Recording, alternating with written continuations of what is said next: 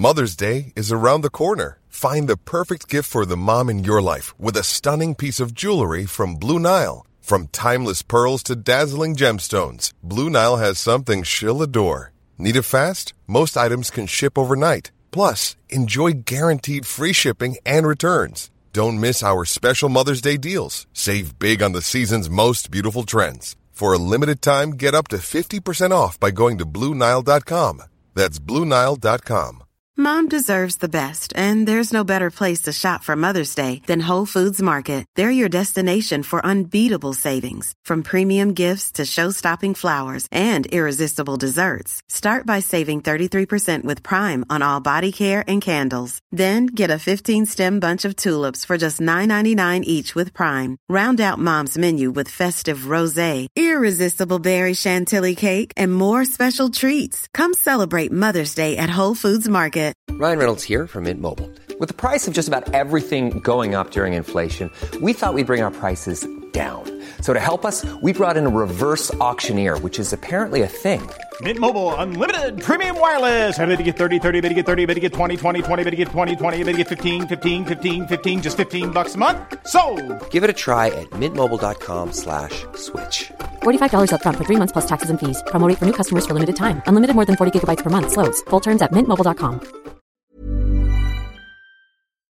Er dere klare for pod på Studio Tyholt? Trivelige Trøndelag calling, these are the votes. Nå er det vinterferie, og da er det mobilt podkaststudio. Ja, da trekker du hjem. Trekker tilbake til røttene, der skogsraka og låvefunna ble i sin tid eh, hadde et sånt gravitasjonspunkt. Så det er litt ekstra sterk dialekt i denne episoden her, regner jeg med? Ja, dæven steike, dette blir dritbra. Nei, kjør på, da.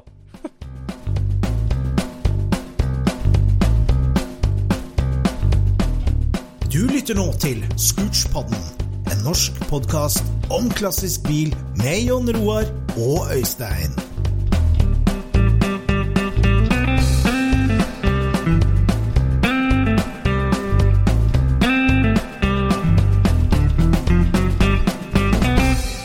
Velkommen til kveldens episode i Scootspodden. I dag, Jon Roar, så har vi en spennende episode fordi vi har fått eh, masse spennende tilbakemeldinger på kakediagram, entusiastpodden vår, Ja. og låvefunn, låvejakt, skogsvrakpodden. Mhm. Og så har vi tenkt at i kveld så skal vi snakke litt om, eh, om eh, produ nyproduksjon av deler til gamle biler. Det liker vi å snakke om. Ja, det liker vi. Og så skal vi snakke litt om elbiler og forskjellige ting. Og linke det til litt klassisk. Ja. ja, det blir litt forskjellig i denne her. Det gjør det.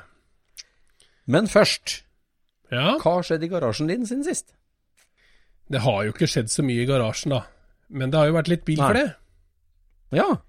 Det har vært mye skyvelær og tegning nå for tida. Ja, nettopp. Du har jo dratt opp eh, Du er jo utdanna teknisk tegner, du. Ja, Eh, fra den og- tida rett før man begynte å tegne på data.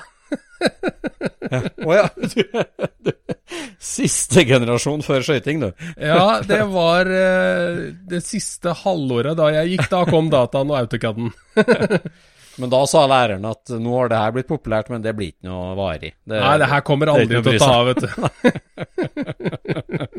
Akkurat, du er den generasjonen, du. Men det har jo en stor fordel med å tegne på data, og det er at det er mindre fare for å få det blyloddet i bakhuet fra han som sitter bak deg på tegnebrettet. Og litt lettere å se det i 3D, da, kanskje. Absolutt litt lettere å se det i 3D. Mm. Ja, ja. nei, for det Ja, for nå Du Vi har jo snakka om det der litt i før i podkasten, men både jeg og du har jo litt bakgrunn fra at vi har produsert deler til de gamle bilene. Og da er det jo ofte sånn at hvis du sjøl har et problem, så er det ofte veldig mange andre som har det samme problemet. Ja. Og derfor er det jo helt konge å kunne starte en liten serieproduksjon, og der er jo du helt nedi Ja, hva skal jeg si grøten for tida. ja, nå for tida er det mye tenking, altså. For jeg vil jo egentlig løse dette problemet for meg sjøl, men så ser jeg jo det at eh, det her kan jo løse noen problemer for andre også. Men vi må jo starte litt med hva, hva er problemet? Hva, hva, hva er det store problemet? Det er jo det at vi liker jo folkevogn, vi da, vet du. Ja. Yes. Ja. Og de konstruerte en motor for 36 hester. Eh, og da syns de egentlig at de strakk den strikken litt langt. Men så endte de opp på 45 hester etter hvert, da. ja. Men eh, når de skulle feste svinghjulet her, da, så valgte de bare én bolt Ja. i senter. Og så fire stift da, som skal holde igjen svinghjulet når du drar til, drar til bolten. da. Ja. ja, nettopp. Og det holder jo ikke for all verden. Ja. Så når folkevogna runder eh, 100 hester, så blir det bare opp til åtte stift, og så drar man til eh, ut av milde grønne for å få dette her til å sitte, av, da.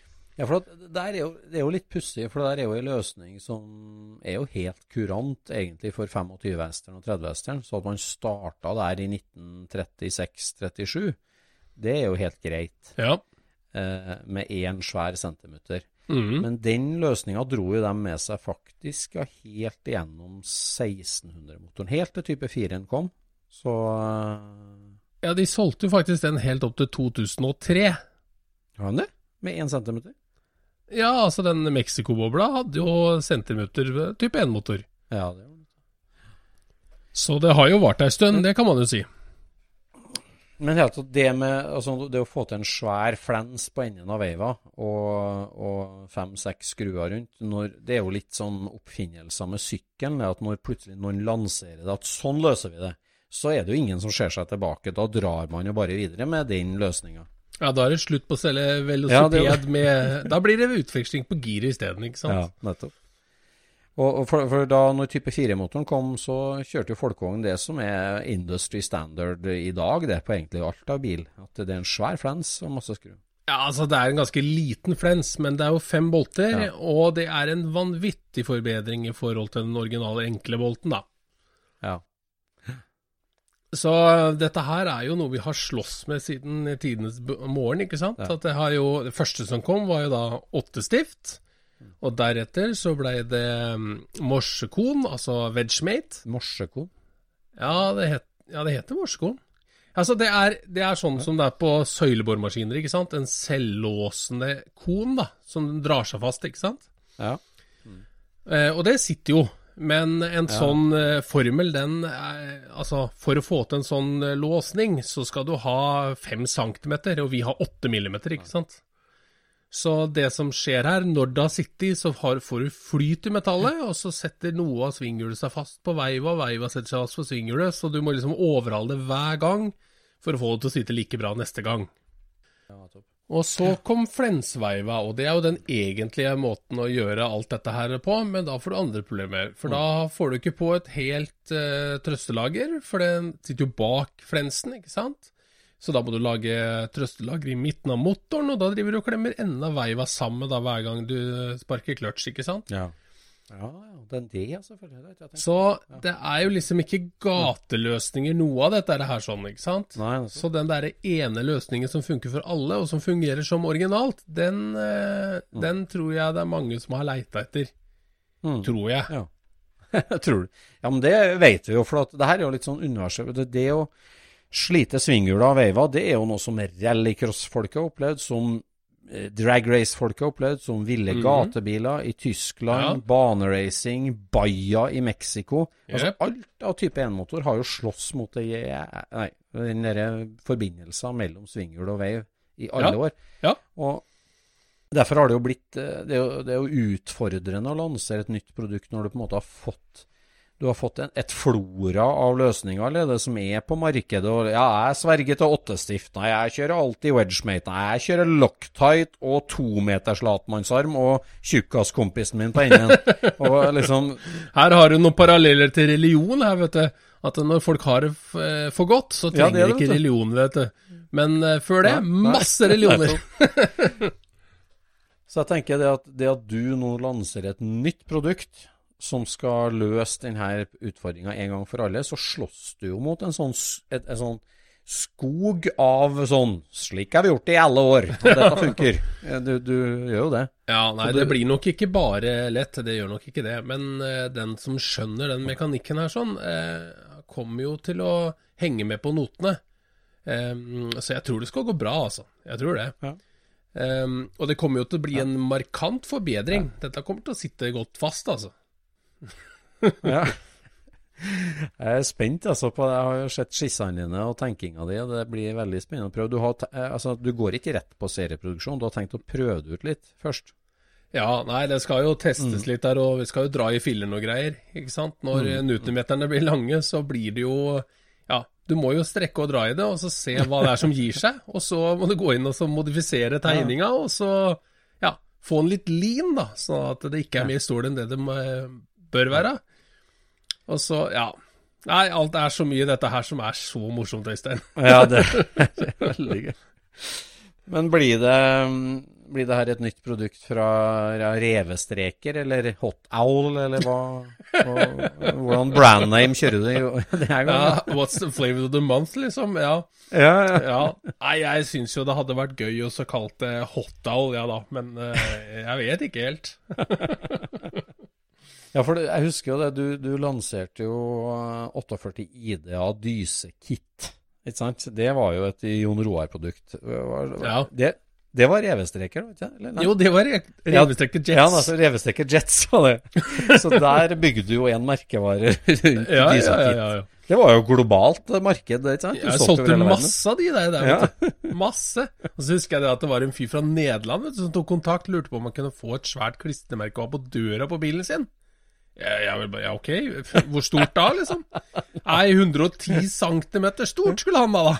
Jeg bare, ok, vet du hva det betyr, da? Nei. Nei, det visste han ikke, da. Men uh, likevel, det var kult, liksom. What does the fox say, sa du da? What ja, does the fox say? ja, det var noen år før det, men Akkurat. Ja, for da, altså, da, kjørte jo det. Og så kom jo uh, adapterne for å sette små fembolt Porsche-hjul på stor fembolt folkevognsirkel. Ja, det var jo også en ting som jeg bare måtte ha, da. Og det var jo sommeren 2001. 2001, er det så lenge siden? 20 år siden? Nei, du, det var faktisk sommeren 2000, var det. Nei jeg, jeg skjønte altså Du har jo ofte litt sånn finurlige merkevarenavn, men dere varme ugler skjønte jeg Jeg skjønte, jeg skjønte ikke bakgrunnen for det. Nei, den er jo litt snodig, da. Nei, øh, ja, det var sånn at vi sto og sveisa noe rust på ei boble for Tom Roger. Og så blei det litt kjedelig, dette greiene her. sånn da, Og så hadde jeg sprittusjen i handa, og så tok jeg og tegna ei veldig tafatt ugle da, på fremre quarterpanelet på bilen hans.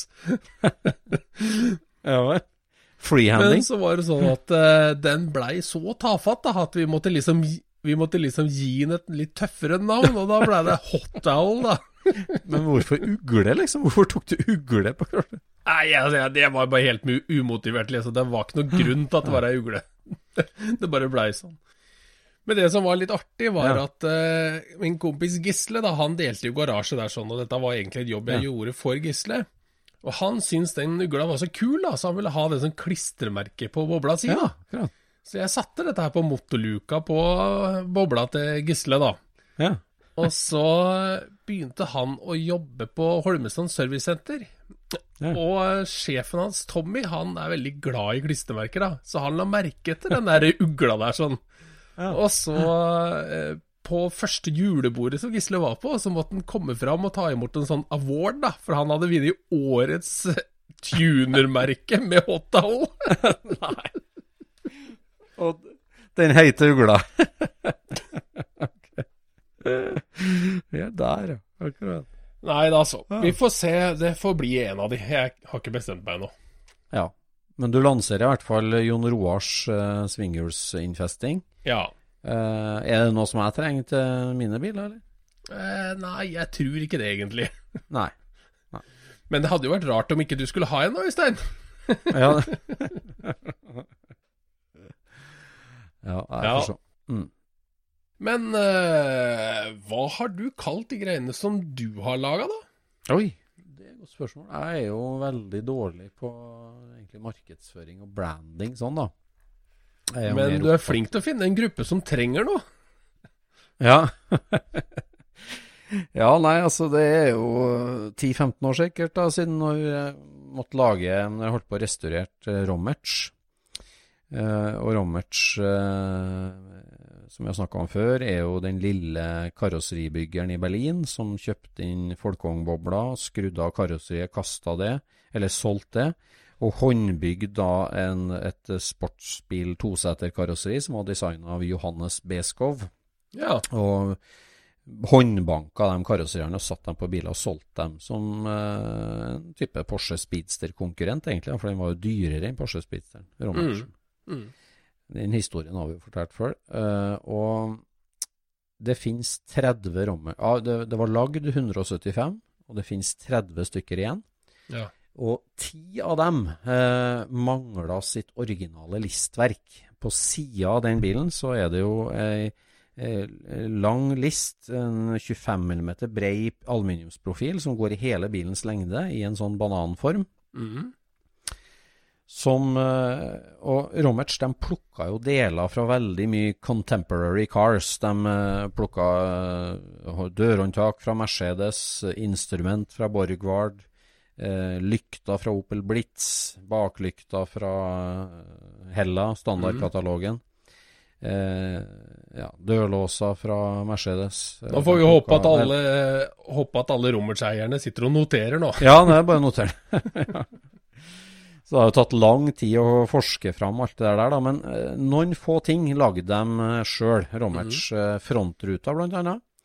Og, eh, og listverket langs sidene. Eh, det kan jo hende de Eller mest sannsynlig så plukka de det fra en eh, Deutsche Aluminiumprofile kraftskjellet Kraftskjelle Gestamstheit.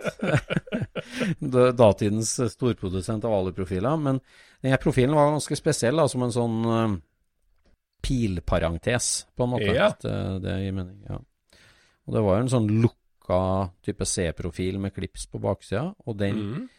mangla jeg da på begge mine biler, eh, både kupeen og kabrioleten. Og så var det masse forsøk rundt om i verden. Det var en indoneser som lagde knekt opp noen rustfritt stålprofiler som så mer sånn pyramide ut, og det var ikke noe likt i hele tatt. Ok. Og der og da uh, fikk jeg lånt meg én gjenlevende aluprofil fra Tyskland, uh, av en originalprofil. Ja. Og så tok jeg kontakt med Norsk Hydro, som jo er en av de beste i verden på å lage aluminiumsprofiler. Og da um, fikk jeg med da Hydro Magnor. Hydro Magnor har den minste billettpressa i Norge. Fordi at uh, aluminiumsprofiler det lages jo på samme måte som plastelina-modelleirepressene som vi hadde i, når vi var små, og som småbarn i dag har. At du setter inn en profilverktøy i ei presse, og så klemmer du ut en plastelina-kladeis, og så kommer det ut i en sånn profil. Og sånn lages jo aluminiumsprofiler òg. Ekstrudering. ja. Der er det krefter ute og går. Der er det krefter inn og går. Det, altså de, det er jo hydraulisk presse da, som du, du setter ned i matrisa eller verktøyet ditt. da, i ene enden, og Så legger du ned en billet, da, som er jo en vedkubbe i eh, rent aluminium. Ja. Og stort sett da når du produserer aluminiumsprofiler, så er den billeten på 800 kilo eller 1000 kilo, eh, den hver klump da du legger ned i. Mhm.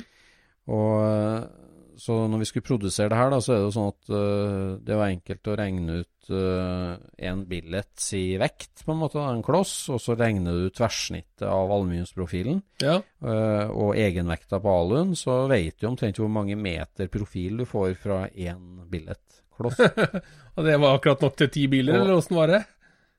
Nei, altså ett tonn med aluminium, da, sånn som en vanlig kommersiell presse er, da, Ja. den ville jo gitt til tusentalls biler, for å si det sånn. Men, eh, men eh, den minste pressa som Hydro har i drifta, det er en prototypepresse oppå Magnor som presser 200 kilos uh, ja, Eh, og med 200 kilo så holdt det til ca. 110 biler. Eh, ja, så hvis du ganger med type 8, da, så var det omtrent eh, Ja, det var du nesten borti 700-800 meter da, med listverk. så kan du bestemme opp til, opp til 8 meter lengde, da, omtrent, for at det der er jo veldig nøye. De legger ned i billetten, og så varmes den opp helt eh, spesielt. Veldig uniform oppvarming. og som er en helt eksakt temperatur, da, at det er perfekt å presse den ut, at den flyter lett nok, men at den da greier å avkjøre seg fort nok til at profilen ikke kollapser. Ja. Eh, Så det er veldig nøye timeout tilrettelagt. Mm. Så da tok vi og polerte opp enden på den profilen, skanna den på en datamaskin, fintegna i et profilverktøy, og så ble det jo lagd et sånt profilverktøy. Og så ble det en liten testproduksjon med en sånn kort billett som ikke får ordentlig fløde, men du må bare se at det ikke hefter. Ok. Eh, for det, det er veldig vet, i en sånn i en sånn matriseverktøy, da, så, så er det jo en friksjon mellom hver flate. Og da kan ikke du ha ei flate som bremser mer enn en annen, sånn at den kommer ut som en banan. Den skal jo komme ut, komme ut snorrett, og det timer du med lengden på de flatene i det verktøyet. Ah, ja, lengderetningen. I lengderetning, ja. Altså Ah, tjukkelser på verktøyet. Ja, så de eh, driver finmaskinerer der, sånn at du kan ha en helt asymmetrisk profil da, som kommer ut snorrett. kan du si. Og det er jo et eh, god ingeniørkunst. Og det der er vi jo veldig gode på i Norge, så det var perfekt plass å gjøre det der i Norge. Så det var et supert samarbeid med Hydro Magnor på, på det der. Så da eh, kjørte vi ut eh, 200 kilo. Eh, og da jeg bestemte at den skulle være i femmeters lengde, for jeg hadde for meg det at det var veldig lurt å prøve å bøye hele femmeterslengda da, først. Ja. Bøye den, og så sette på bilen, og så nærmest skjære skjær hull til døråpningen, da, for det er jo to kutt inn. Det viste seg å være feil da når vi skulle til å montere, men jeg, jeg, jeg kjørte oppover med storhengeren da, og henta en haug av femmeterslengder. så jeg har litt eh, Rommerts-profil, da. Men uh, det ble jo veldig bra prosjekt, egentlig. da. Det var ca. 25 000 kroner jeg betalte for uh, å lage verktøyet. ja. Og både designe det og lage det. Og så betalte jeg ca. 25 000 for å presse ut 200 kilo. Mhm. Og så var det jo ti bilsett, ti biler rundt om i verden, og så solgte jeg vel hvert sett da for eh, 6000 kroner. Eh, Det Ja. var 800 euro eller noe sånt. Så, det, så solgte jeg vel til seks-sju stykker, da. Én surpomp ville jeg ikke kjøpe til sin bil, og så hadde jeg jo to av de bilene sjøl. Så, så gikk det akkurat opp i opp, det der. Så det er en som kjører uten, da. Det er jo et restaureringsobjekt som står da og tenker at uh, I'll fix it someday. Uh, men du vet at nå kom og kjøpe restopplag av meg, det blir jo svindyrt. ja, jeg har nesten ikke noe igjen. Nei, nesten ikke noe. Nei, jeg har donert litt aluprofil. Altså, én og ikke navngitte, litt sånn hjemmelagde biler rundt om i Norge som går med Romerts profil. Ja, for den er jo veldig forseggjort, den profilen. Ja, veldig forseggjort. Det er jo både konkave og konvekse buer og Ja, Ja, han har det. Ja. veldig, veldig flott, eh, veldig fin. Mm. Så husker jeg det at Ja jeg var oppe hos deg og så hjalp deg å montere de listene på den ene bilen. ja, det var litt av et prosjekt. Ja, da er det liksom det der å få det til å flukte, og få alle linjene til å tangere med hverandre, og få til én stor linje. Og selvfølgelig også Ja. dekke høla i karosseriet, da. Ja, ja. Nei, det der var presisjonsjobb, men der gjorde vi jo genistreken det at eh, Vi fikk jo tak i sånn klips fra, fra Tyskland, en produsent som lager firkantskiver med M5-gjengestuss på. Mm. Som vi bare tredde inni, og så var det jo line opp der i hølene. Og så kjørte jo vi store skiver på baksida, og vingemuttera. Ja. Så det, du husker vi, vi justerte jo ut av det vi, ja, vi justerte jo uendelig mange ganger for å få til den kurven, men da å ha vingemuttera på baksida var helt konge, for da bare Ja, for den, eh, det er en viktig eh, liste der på den bilen. For den gjør liksom at den knyter liksom eh, front og bakende sammen og gir litt mening til, til hjulbuen og sånt. Og jeg synes den, den gjør seg på bilen. Ja, jeg er enig. Men når vi begynte å studere det der, det er sant at du har en bil som fra sida har ei lang list som er delt i tre biter. Eh, Vi ble jo listverknerder når vi holdt på med det, men altså, hvor mye det har å si at de møter hverandre i skjøten helt tangensielt? At du ikke Ja. har noe knekk der. Nei, jeg kan ikke ha noe, vet du. vi, vi, Vi kjenner jo Det er jo liksom når du sitter eh, på skrå foran bilen, og så ser du på lista, da skal den ikke skifte retning i Nei. hele tatt, ikke sant? Den skal gå helt jevnt hele veien. Det er så viktig, det der. Og det Altså, vi har jo vært på museum og sett på high dollar cars, som er helt tivoli når det kommer til det der. Det er en trapes, eller nei, ja, det. Ja, du går rundt på museum Ja. og grøsser, vet Ja, du. det er det, altså. Men det er jo disse her 10 000 timene som de snakker om at du er ekspert etter å ha studert Ja, i 10 000 timer, ikke sant? Ja, Det er liksom masse er det. sånne små linjer som du kikker etter, sånn som at skjermen eh, eh, flyter rett inn i frontplata og alt dette her, sånn altså at linjene stemmer, da. Det er jo på en måte det som velter troverdigheten til en bil.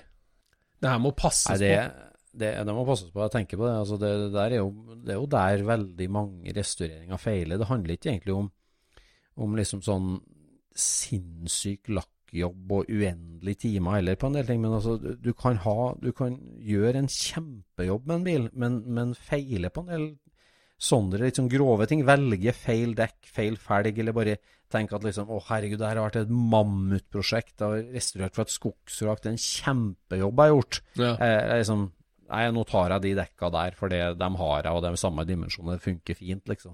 Ja. Men så, så er det bare krise. Det er bare Ja, det blir som han der, den der nordlendingsvitsen med han Mm. lokale helten i bygda som var både ordfører og alt mulig, og gjorde alt mulig for bygda, men så puler du én sau, så det blir huska for.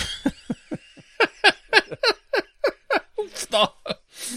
Så det der er så viktig, uten sammenligning for øvrig. Så det er så viktig, altså, de detaljene der. Ja. Ja, det er en del detaljer som skal eh, passes på, men det er du jaggu når du skal konstruere noe òg, altså. Um, Ja. Det blir jo dette her med ingeniører, ikke sant. Det Ja. blir en del prating med ingeniører når, eh, når du skal konstruere Ja. noe, og jeg er ingen ingeniør. Nei. Du burde vært det. Eller du er jo det på en måte. Nei, jeg tror vi får si at jeg er en halvstudert røver. Men det er noe med det at hvis du har en problemstilling eh, Dette her er jo et konkret problemstilling vi har, ikke sant, med folkevogna med denne svinghjulsinnfestninga, ikke sant. Mm. Hvis du skriver ned det på et ark, så vil en ingeniør løse det med å si at ok, vi trenger så og så stor flens, vi trenger seks bolter, eh, men derfor setter vi inn sju. Eh, men ikke sant, du kan ikke løse det på den måten. Du kan ikke drømme opp et nytt svinghjul, du kan ikke drømme opp en ny veiv. Du har liksom nødt til å jobbe med det du har, og makse det, ikke sant, og gjøre det beste ut av det, da. Og jeg syns jeg merker at de ingeniørene som driver og skrur sjøl, de blir sånne ingeniører. Ja, men altså i ingeniørfaget ellers òg, så du, du har jo ofte veldig definerte rammebetingelser. Altså sånn eh, på ei, platt, plattform skal du inn med et nytt pumpeanlegg, på en måte, sånn, så det vil jo være enormt med rammebetingelser. Du har Ja. bare sånn hydraulikktrykk, du har bare sånn uh, plass her, det er bare sånn strøm. Mm. Det må tåle bølger, det må tåle fuktinntrengning, bla, bla, bla. Ja. Så liksom, det der å, det å løse teknisk problem innenfor det, er det er veldig sjelden at du har eh, helt frie tøyler, på en måte. da. Men, uh... Det er sikkert sant, men uh, hvis du skal bruke sånne tommelfingerregler, da, da må du ha ganske blanke ark, altså. ja, det, Ellers så må du liksom regne på dimensjoner og bolter og alt sammen, og gjenger og liksom Ja. Nei, det er spennende ting. Det er spennende ting. Spennende ting. Nei, jeg gleder meg. Jeg jeg må vel bygge meg en stor motor, da, sånn at jeg får vært kunde. Det her høres ut som en reklamepod, egentlig, nå slår meg, men det her er jo vi snakker, altså, det her er et knøttlite marked. Selv om jeg har Rommertslista selv, så er det ikke salgsstunt. Ja, det var helt klart. Nei, men hva er det de sier for noe i sangen, da? da vi snakker om ting som har skjedd oss, og navnet Ja, må vi jo ha ting som med. ja. Vi er der. Vi er Nei, der. Nei, men det her er jo Det er. Det er jo sånne folk vi er, da. Når vi kommer over et problem, liksom, så må vi liksom Det må jo løses, liksom. Vi kan ikke bare gå rundt det. Det Ja.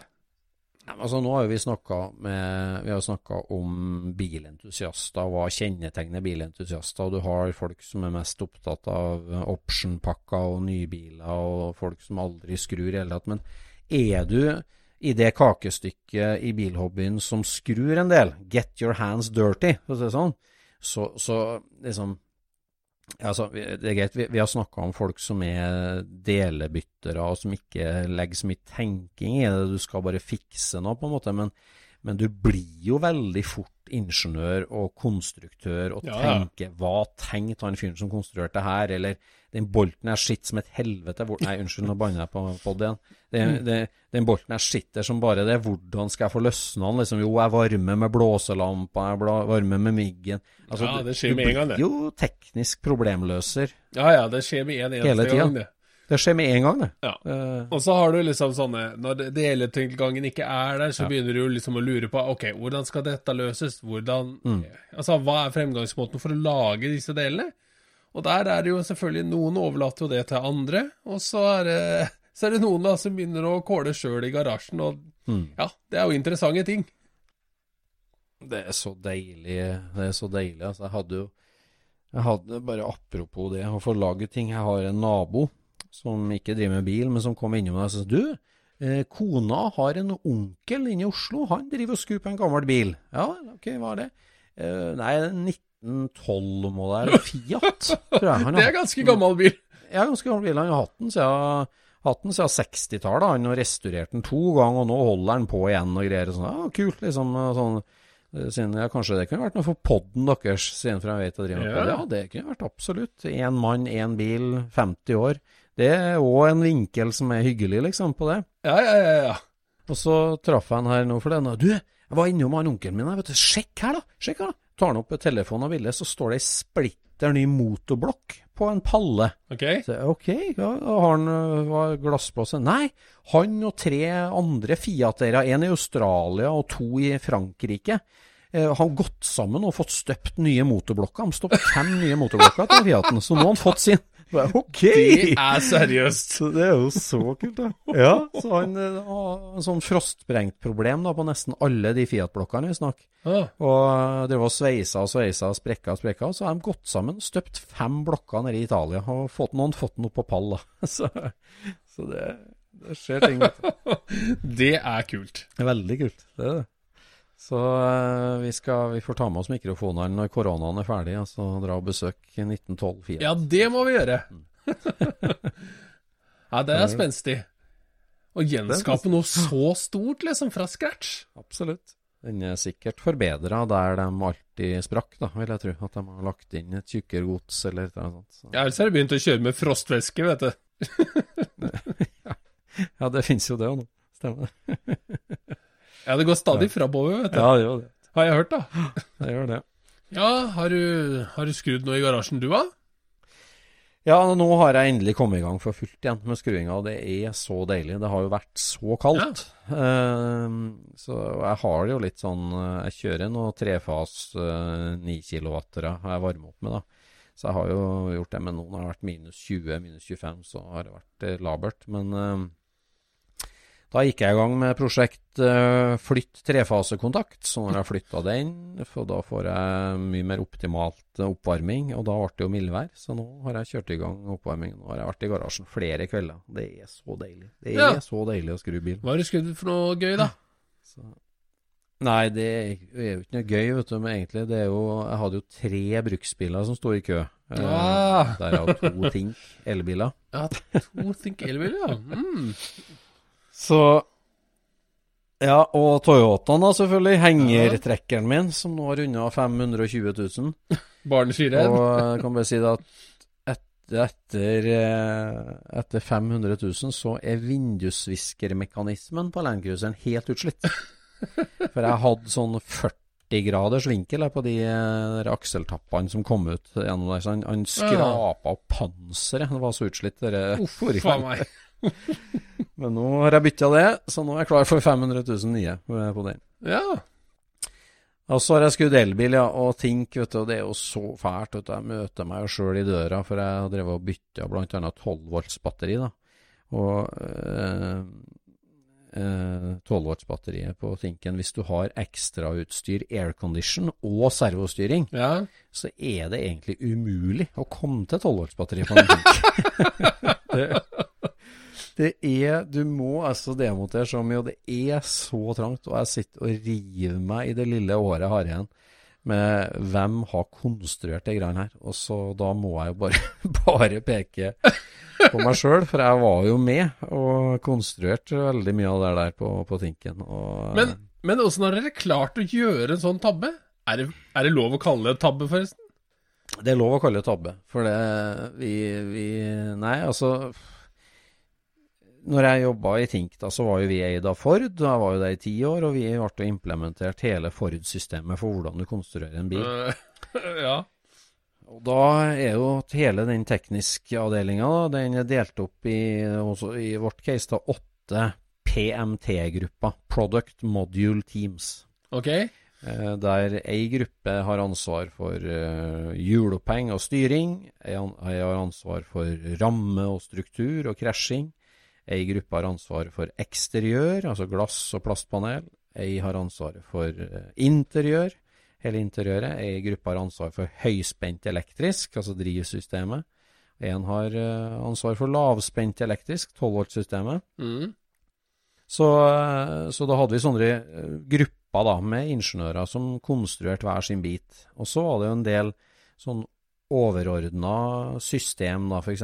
det med homologering og typegodkjenning. En, en, en, en gruppe hadde ansvar for at alt sammen da ville la seg homologeres. Det har jo med uendelig med ting, da, ikke sant? med hvor mye av frontruta skal vindusviskeren ta, hvor fort skal det ta å tine opp bilen, mange dørslag skal dørlåsen tåle før han knekker stykker, vindusheisen opp og ned hvor mange ganger, krasjing, alt mulig. Så var det jo ei gruppe som hadde med produksjon å gjøre, det her skulle være lett å produsere. Og ei gruppe som hadde med service og ettermarked, da, som skulle sikre at service og ettermarked klarte seg. Men han uh, servicemann, var han med på møtene, eller? Nei, jeg, jeg, uten å si det på lufta, så lurer jeg på om han sov litt, altså.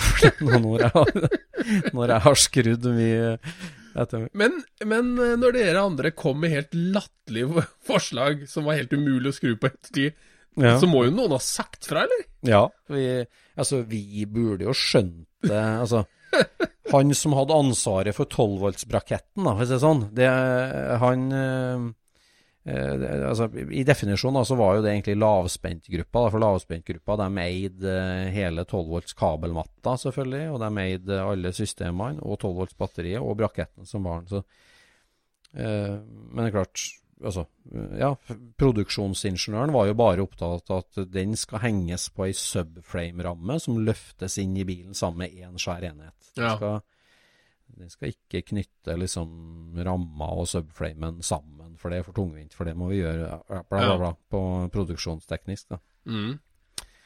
Men uh, det, blir, det, er jo et kompromiss, da. ikke sant? Du, altså, kostnad trumfer jo bestandig alt, nesten. Ja, vi fester en, vi fester den med tre skruer. Nei, da sliter den seg løs i eh, hoppetestinga, f.eks. Sånn, ja, men vi bare kjører litt større dimensjon da, og forsterker litt der og der, da tåler den ristetesten. Ja, jo, han gjør kanskje det, ja. Nei, jeg må ha fire skruer. Nei, du får ikke fire skruer, vi bare kjører tre skruer til. Så altså, de vil telle skruer, liksom? Er det på det nivået? Ja, ja, ja. Ja, det er nest, nesten det eneste måleparameteren for hvert sånn For at du har Altså, du har jo du har et budsjett på bilen. Eh, du har en, det som kalles Bill of Materials, eh, BOM, eh, BOM. Bill of Materials, som er da liksom ei, ei deleliste, og det er egentlig bestemt å si at denne bilen, eh, eh, sånn som i Tinkens tilfelle, det var en liten toseter bybil, den, den prispunktet ute i markedet er X, liksom, på det. Mm. Og så må vi ha Y, y fortjeneste, og så, så, skal vi bruke så og så mange timer på å lage en bil, eh, liksom der, og så er det alltid litt service, alltid litt garanti, bla, bla. Og så ender du da opp med det her er delekostprisen på bilen. Den kan ikke være mer enn dele, det, den. Og det blir en bill of materials, som er Og så blir den bommen da delt opp til hver gruppe, da, ikke sant? og da får du i prinsippet Ramma kan ikke koste mer enn 25 000. Karosseriet kan ikke koste mer enn 30 000. Og det blir det måltallet du liksom Hver gruppe blir målt mot, da. Hvordan ligger du an i forhold til det? Med den der byggemetodikken der, så er jeg ikke så veldig overraska over at ikke alle biler blir veldig bra biler, altså. Jeg syns det er underlig at det ikke fins en sånn konge som bare kommer inn og sier at det, vi kan ikke ha en dårlig ramme, de må få 5000 mer, og så får vi spare inn på høyttaleren eller et eller annet, liksom. Nei, men altså, det, det, er, fin, det er det jo hele tida. Altså at du, du, man, man, du, du går over det. Og så er det jo ofte sånn hvis man sier at OK, jeg kan godt få ned ramma mi til å koste det, men da må jeg ha pressverktøy til hver eneste brakett. Sant? Og det koster to millioner kroner i pressverktøy. Da kan hver brakett koste 16 øre. Men når jeg laserskjærer og står og knekker ned i knekket, så koster den 20 kroner, den braketten. Ja. Så er det sånn liksom at uh, hvor mye investeringspenger trenger du for å investere deg ned på stykkpris? Ja. Eh, og det der blir jo liksom hele tida regning. og sier, Ok, de første 1000 bilene så tåler vi at ramma koster så og så mye, men så skal vi inn med så og så mye penger og investere oss ned. Mm. Så, men det ble jo en langt svar, for at pris er jo alltid en veldig viktig diskusjon. Og så er det jo det med krasjsikkerhet, selvfølgelig, det, og, og det regulatoriske at du go får godkjent det. Mm. Så hadde vi jo et sånt uh, team da som var liksom produktansvarlig, som liksom skulle representere bruker og eier og kunde, da. Og sitte og si nei, det er for kronglete og tre, tre fingre mellom håndbrekket for å komme til setejusteringa. Det I object, your honor, i de møtene. Det går ikke. Så, så det er utrolig mange hensyn å ta, da, for å si det sånn. Uh, ja. og jeg jobba jo veldig mye med rammekonstruksjon og krasjsikkerheten. da, Så det her jeg kan jo si at i krasj så handler det om å få alle harde ting i fronten til å flyte forbi hverandre, og ikke stekke seg opp. Eh, Jeg skal liksom ikke bli et langt spyd av det. et langt spyd. Man må flyte forbi. Så liksom 12-voltsbatteriet som er da på tur rett mot torpedoveggen, det kan ikke treffe noe veldig hardt, for da kommer det inn. Eller da, da stekker det opp at det kommer inn. Så jeg, ja, jeg hadde nok eh, slående argument i forhold til serviceteknikeren, stakkars. For at eh, han eh, Jeg har litt medlidenhet med vår kjære Ulf, som var servicesjef. Ok, så du overlever en krasj, liksom, men går batteriføyken, så må du bare kaste hele Da bilen. må du inn med maur, tror jeg, som kan kravle inn si det, Ja, det, det er liksom en par skruer som liksom, Du bruker en Altså ikke bare på 12-volten, men når vi skal bytte liksom hjernen i en ting, sånn fra et sånn serviceperspektiv, så er det noen skruer som at du bruker en dag for å få ut de to skruene, og dem setter du aldri inn igjen når du setter sammen bilen. Det, det må du bare leve videre uten. Ja. Nei, nå skal ikke disse ting her, da, for jeg elsker jo ting. Jeg mener jo at det er en motorhistorisk veldig interessant bil. Ja, ja, ja. Det vet jeg at du mener. Nå må vi passe på at vi ikke skaffer oss fiender i klassisk bilmiljø. Ja. ja. Ja, gjør vi det, så gjør vi det. Hva skal vi få gjort med det, Ja, liksom? det- Nei, altså, det, det er jo norsk bilhistorie. Men nå har jeg akkurat skjønt hvorfor folkevogna har bare én swingersbolt. Ja, det, det En Det god at- produksjonsargumentasjon. Ja, jeg tenkte bare at bommen er brukt opp, så de hadde ikke råd til mer enn én bolt. Ja. ja, ja, ja. Altså. ja. Nei, det, er- det er viktige ting, det der. Det. Men er, jeg er tenker så servicevennlig at den, den kan leve videre? For vi får stadig høre at det her kommer aldri til å bli noe klassiker, liksom. Eh, ja, den kan leve videre. Du, uh, det, det går an å bygge om til ny batteriteknologi. Det går an å Mhm. reparere uh, alle komponentene som er der. Men Ja. det er jo litt tidsbegrensa. Altså, nå finnes det Men altså, det, det finnes et lager med kretskort til laderne, f.eks. Så det, det går an å reparere dem mange hundre ganger. Men det er klart ikke i evigheten. Da må man begynne å lage nye kretskort, f.eks. Men altså, det er Men, eh, men det, går ikke an så, det går ikke an å løse dette på noen annen måte? At du liksom setter inn en annen enhet som, som driver alt, liksom?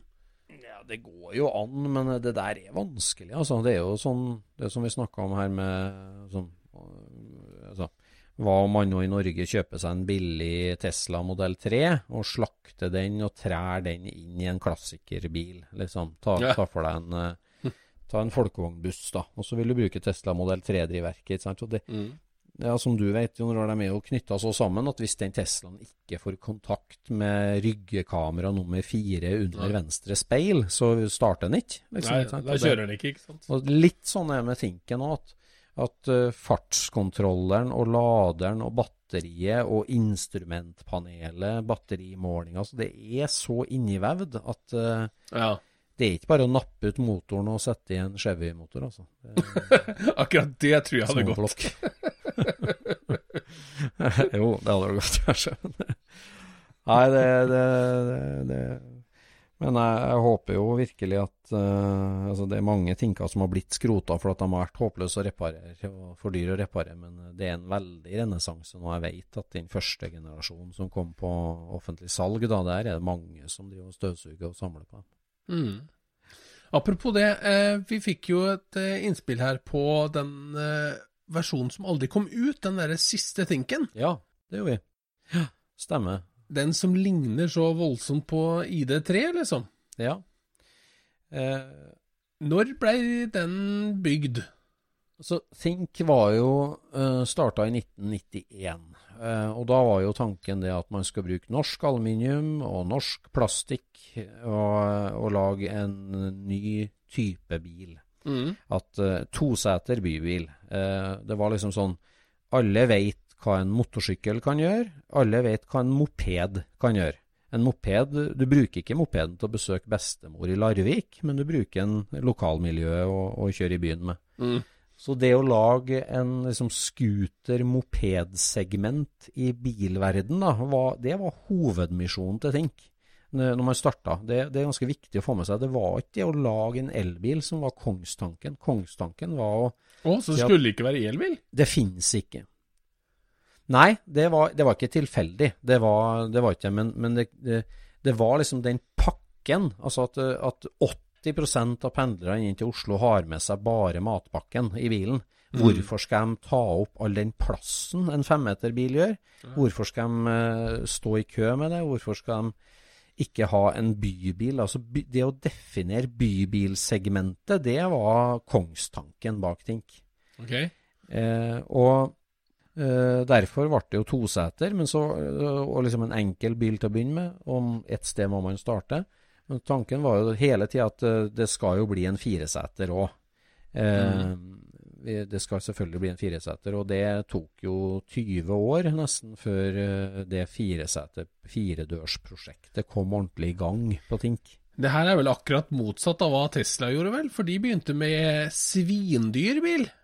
Ja, ja, det var jo helt motsatt, og det er jo så artig å tenke tilbake på det, da, egentlig. For Patrick Eberhardt, som starta Tesla, han kom jo til Norge og fridde til Tink og ville, ville at vi skulle samarbeide. Eh, men vi hadde jo ikke noe trua på hans approach, for hans approach var jo liksom at altså, Vi hadde jo tenkt det at eh, de første kundene til en miljøvennlig liten bil, de er miljøbevisst, de er litt hippie, de er villige til å ta et lite kompromiss. De vil, vil være banebrytende og vise fram at de, de eh, tenker nytt. De, eh, de vil kjøre miljøvennlig. De eh, tar til seg den urbane bybiltankegangen, for å si det sånn. Og er villig til å ha vindusveiv i stedet for elvindu, f.eks. For, eksempel, for å spare strøm. Det er helt naturlig for en første elbilkunde. Det var en soleklar kongstanke for Think. Men Tesla, Patrick Eberhardt, tok jo helt motsatt approach. Vi må vise at elbil ikke er noe steg ned, men et steg opp. Den skal være bedre på alle punkt. Bedre stereo, bedre akselerasjon, bedre toppfart, bedre design. Det skal, være, liksom, skal du få folk til å tre inn i en helt ny teknologi, så må den være bedre. Den må være bedre på alt. Den må være knockout mye bedre på alt. Eh, Det var hans approach, og det stussa jo vi veldig på, må jo si det. Men, eh, men eh, han har jo vist seg å få rett, da. Og Ja. Nei, jeg syns jo at Tesla-modellen gir litt mer økonomisk sens, på en måte. For han solgte jo noen få biler svindyrt til, til noen få mennesker. Og så begynte han å selge litt billigere biler til en mye større del av pyramiden. Og så etter hvert som liksom batteriproduksjonen går opp, så går jo enkeltprisen per batteri ned, sånn at du etter hvert kan tilby en billig bil, liksom. Men det er jo akkurat motsatt av hvordan eh, Think skulle fungere, for der, eh, der skulle vi rett og slett Altså, der ville det jo være dyrt med en liten bil. Ja, det, det Altså, Tesla fikk jo rett da med at måte, den kjøpegruppa som var villig til å betale veldig høy pris for noe som var veldig mye bedre, den var jo stor. Og det, det skjønte jo Tesla. ikke sant? At han, han eh, ja, men klart Med insentivene i Norge så ble det jo en allemannseie, men ute i verden så er det en luksusbil. Men det, altså, grupper med folk som har mye penger til å bruke på bil, og som er villig til å kjøpe seg en luksusbil, da, og at den er elektrisk som en bonus, det var en svær gruppe, det. det så Ja, det har blitt Nei, nye boller der, eh, men det har også blitt i bilhobbyen, vil jeg si. Ja. Det er så mange nye initiativer som uh, oppstår hele ja det er jo det. Vi sitter jo og prater i ett nå. Ja, det gjør vi. Det er sant. Det skjer stadig. Ja, podkastdimensjonen til bil har jo ja, det gitt en ny dimensjon. Det har det. Det er i hvert fall fire-fem eh, norske podder om bil. Ja. Og flere svenske, og ja, det er masse underholdning du kan få Ja, det gjør det. Gjør det altså. gjennom øra. Ja, og det er både, både bilkjøring og bilmekking. Eh, da har du ørene ledig. Det Ja, absolutt. passer jo fint. Ja, og så har du liksom Du er influensere, youtubere og ja, Det har ikke jeg helt bare sånn som eh, Haltvik, da, med Freia-bilen, liksom. Ja, ja, ja. Hver fredag. Helt ja, konge. Kjempegøy. Det at du kan følge med på prosjekt og være på rundt omkring, det er helt fenomenalt. Ja, Ja, det er jo innholdsskaping, vet du. Ja Altså. Det, altså, det skjer så mye greier der. Så jeg, jeg tenker bare at uh, disse ildsjelene som vil at det skal skje noe mer Vi må jo bare, vi må jo bare gi dem en klapp på skuldra, Ja. liksom. Bare, bare se på liksom eh, TN Motor, som driver og bygger eh, Pelle politibil på, på YouTube og sånt. Altså, Absolutt. det skjer masse der ute. Ja, fenomenalt. Det er veldig artig med alt som skjer sånn. Jeg, jeg, hører jo, en- jeg har hørt en del på Let's Talk Dubs nå fra USA, og han Bill T fra Las Vegas, han er veldig klar og tydelig på det. altså liksom å hedre dem som har vært med og utvikla hobbyen og bygd hobbyen. liksom Gi dem thumbs up. Det, dere har bidratt, du har bidratt, du har vært en uh, contributor, liksom. Og, og, og hedre det, og, og være med å hoie og fyre og gi fart på svinghjulet. Ja. Sånn, det, og det er viktig, altså. Så Ja, man- det er man- viktig. Eh, Ja, det er litt sånn I hvert fall når, når eh, bilisme og, og, og frihet til å, gjøre hva man vil med, med det vi driver med og sånt, er liksom litt trua fra forskjellige kanter, da. Ja. Så er det det, det, det, det er viktig å, altså, å skjønne det at det er et lag. Vi er noen lagspillere alle sammen. Vi, vi, vi Mm. fronter en felles hobby. Vi, vi er ansikt utad. Vi, liksom, vi har et lite rekrutteringsansvar. Vi Ja, har ja, ja. et eh, samfunnsmiljøansvar. Mm. Eh, alle sammen. Det er kjempeviktig, altså. Å, å skjønne sin rolle som lagspillere. Mm. Ja, ja. Ja, alle har en rolle oppi dette her, sånn, og i så måte så er det jo viktig at alle tar for seg og bruker eh, alt det som er, ikke sant? Ja, absolutt. Har du forresten sett at Hotshop har laga tegneseriestriper? Jeg så det der med Var det liksom inspirert av eh, Richard Rawlings eh, Texas Garage, eller? Ja, jeg tror det. Richard Rullings, han ja. virker som en østfolding på dialekten, i hvert fall. ja. Jeg så de stripene der, det var kult, det. Ja, nei, det skjer jo så mye rart, vet du. Det er jo helt fantastisk. Jeg så, Ja. jeg så ei stripe her sånn hvor han mente at han var så miljøvennlig, vet du, fordi han kjørte buss til jobb. Og da var det jo selvfølgelig folkevognbussen han kjørte da med den røykskya etter. Ja, ærlig. Jeg syns jo liksom alt mulig sånt er eh, superbra, liksom. Sånn som 1600 Challenge-greia og Ja. liksom Ja, skinnet er med på laget, og det, det Ja, blir liksom det en svær greie av det, ikke sant? Og de skal jo kjøre finalen på SSC til høsten nå. Skal han det? Ja, ja, ja. Yes. Hvor mange runder blir det der, da, på skandinavisk Og 1600? Den, den kalenderen har jeg ikke sett, men jeg tror de er Nei. ganske Ja. kjøreklare. Det blir helt konge, altså. Det gleder jeg meg 1600-motor vet du, som er trimma til maks for å holde prisen nede og innovasjonen oppe. Det er jo det er helt fantastisk. Og innovasjon, det liker vi, vet du. Fenomenalt. Det liker vi. Absolutt. Og he he hele episoden her har handla om det. Det er, det, det er innovasjon, rett og slett, i, i hobbyen. Både enten det er deler eller eh, innsats eller tegneserie.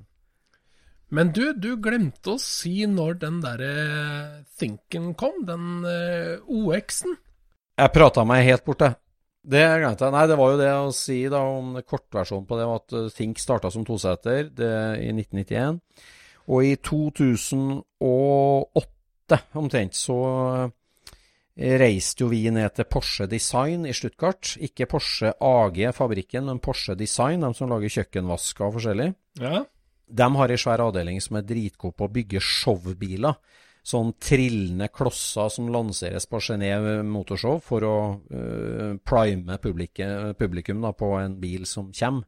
Mm. Så vi dro egentlig ned dit for å få bygd en showbil med noen skisser vi hadde, men så gikk jo det til å bli at vi engasjerte dem i et svært designoppdrag, da, sånn sammen med vår sjefdesigner, Stig Olav Skeie, Norges største bildesigner. Ja. Um, eh, så gikk jo Stig Olav sammen med Porsche Design og, og tegna den fireseter elbil Think-bilen som fikk navnet Think OX. Eh, eh, og det ble bygd en nydelig prototype av den bilen, som ble vist fram på Genéve i Pja. Kanskje det var 2012, det, da. 2012. Men den bilen ser jo så fin ut, Den er vet du. kjempefin, vet du.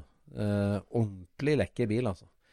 Og Det er jo ikke rart at folk sier det, at hadde det kommet, med den, eh, kommet ut med Nei, det der, er så hadde jo historien er vært en helt helt annen, ikke sant? Men man går jo alltid tom for penger. Går alltid tom for penger, og der var litt sånn slått på målstreken, altså, for den, eh, den eh, var jo klar altså Det var et stort utviklingsprosjekt. Det var, det var masse penger som skulle hentes for å gjøre den showbilen til en produserbar bil. Men eh, den ene prototypen da, den har heldigvis overlevd, og den står jo på et sånt roterende bord midt i Norsk kjøretøyhistorisk museum på Lillehammer, og er jo virkelig noe verdt å ta turen for. Den ser eh, absolutt ut som en slektning av ID3, Ja, ja den gjør det. Det er sant. og den ser også ut som en Think, og det er jo en bra greie. Ja, det er bra greie. Ja da. Ja, nei, Nei. det får bli litt mer eh, olje og ordentlig gamle biler neste gang. Det skal bli det. For det vi har tenkt å snakke om i en kommende episode på, på Scootspodden, det er jo verktøy. Ja, Eh, det liker vi. verktøy, og vi elsker det. Og bilentusiaster elsker verktøyet sitt. Liksom. Hvorfor er det sånn at uh, hvis du skal skru en skrue, så vet du jeg må ha akkurat den skrutrekkeren. Den ligger i den skuffa. Det er den røde. Mm. Det er den blå. Jeg må ha den tanga her. Og noen, noen har jo et helt religiøst forhold til verktøyet sitt, og det kan være fra alle prestegjeld, og du har samla det gjennom et helt liv, eller du har kjøpt deg fullt nytt kit fra Snap-on og har eh, skuffene klare. Ja, ja, ja. Det der har vi tenkt. Der kan det gå i mange retninger, vet du. Det er det. Så det der har vi tenkt å dykke ned nå i en kommende episode, så send oss gjerne litt sånn verktøy, verktøyinnspill og verktøyopplevelsene dine. Ja, og så kan vi tenke ut hvilket verktøy eh, vi ikke har som vi ønsker oss. Ja, det må vi jo gjøre. Da kom kon konstruktøren fram igjen. Nei, jeg tenkte jo mest på de verktøyene som finnes, da. Ja, ok, ok. Ja, ja, nå tenkte jeg, ja. Nei, that's it, folks. Takk for i dag. Ja, vi prates. Ha det bra.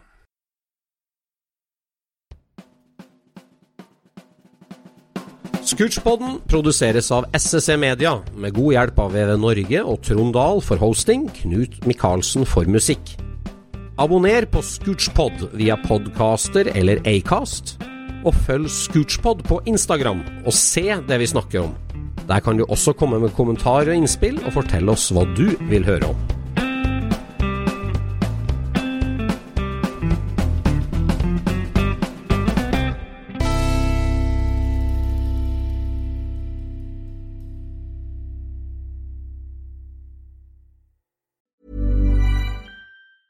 Planning for your next trip? Elevate your travel style with Quince. Quince has all the jet setting essentials you'll want for your next getaway, like European linen, premium luggage options, buttery soft Italian leather bags, and so much more. And it's all priced at 50 to 80% less than similar brands. Plus, Quince only works with factories that use safe and ethical manufacturing practices. Pack your bags with high-quality essentials you'll be wearing for vacations to come with Quince. Go to quince.com slash trip for free shipping and 365-day returns. Mom deserves the best, and there's no better place to shop for Mother's Day than Whole Foods Market. They're your destination for unbeatable savings, from premium gifts to show-stopping flowers and irresistible desserts. Start by saving 33% with Prime on all body care and candles. Then get a 15-stem bunch of tulips for just $9.99 each with Prime. Round out Mom's menu with festive rosé, irresistible berry chantilly cake, and more special treats. Come celebrate Mother's Day at Whole Foods Market